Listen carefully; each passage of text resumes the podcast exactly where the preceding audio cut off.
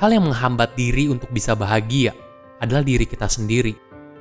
Ketika kita berdamai dengan diri kita sendiri dan penuh kasih sayang, saat itulah kita akan siap untuk bahagia. Halo semuanya, nama saya Michael. Selamat datang di channel saya, Sikutu Buku. Kali ini saya akan bahas buku How to Stop Feeling Like Shit, karya Andrea Owen. Buku ini terinspirasi dari pengalaman pribadi Owen di tahun 2007. Saat itu, dia berada pada titik terendah dalam hidupnya.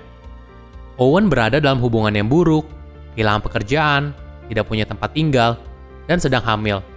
Jadi setiap hari, rasa malu dan kesepian selalu menghantui Owen. Pelan-pelan, dia mulai menata kembali hidupnya. Hingga sekarang menjadi life coach, pembicara internasional, dan juga penulis buku. Ketika membaca kisah hidupnya, saya langsung terenyuh dan kagum akan kegigihannya untuk bangkit kembali. Owen menuliskan 14 kebiasaan buruk yang membuat kita tidak bisa bahagia. Dari 14 itu, saya akan memilih tiga hal yang paling banyak saya temui dalam kehidupan sehari-hari. Yang pertama, self-critic negatif.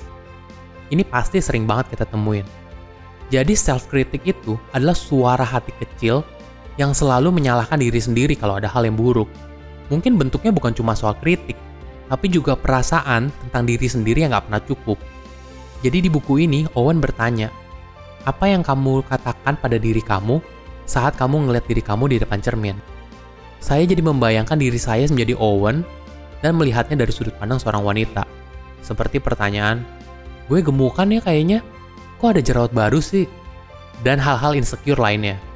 Owen bilang, kalau seseorang rajin melakukan self-kritik negatif untuk dirinya sendiri, itu sama aja kamu sedang berada dalam hubungan yang buruk. Di buku ini, Owen mencontohkan Valerie, seorang penata rambut berumur 31 tahun. Valerie selalu bilang ke dirinya sendiri kalau dia tuh gemuk. Dan itu alasan dia kenapa dia jomblo saat umurnya mendekati 32 tahun. Valerie selalu punya self-kritik negatif soal dirinya sendiri. Dan ketika ada orang yang muji dia, Valerie berpikir bahwa orang itu cuma menghibur aja dan gak mengatakan yang sebenarnya. Yang kedua, membandingkan diri sendiri dengan orang lain. Kebiasaan buruk ini menurut saya diperparah dengan munculnya media sosial. Di zaman sekarang di mana media sosial itu adalah ajang pamer, ini merupakan trigger buat banyak orang. Sebagai contoh, ketika kita lihat teman kita baru dapat promosi jabatan, baru beli mobil baru, beli rumah baru, baru menikah, baru punya anak, pasti ada rasa membandingkan dengan kondisi kita saat ini.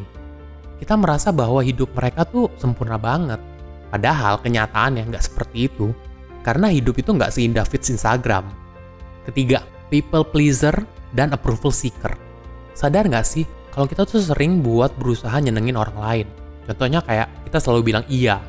Padahal sebenarnya kita lagi ngerasa enggak kita nggak bisa bilang enggak karena takut ngecewain. Mungkin bukan cuma berusaha nyenengin orang lain, mungkin kita juga berusaha untuk mencari validasi dari orang lain. Simpelnya gini, validasi itu perasaan ingin diakui atau dipuji oleh orang lain. Ini adalah langkah yang fatal. Kenapa? Karena kita menaruh kebahagiaan kita ke orang lain. Apa yang orang lain pikirin tentang kamu, itu adalah tanggung jawab mereka, dan bukan tanggung jawab kamu.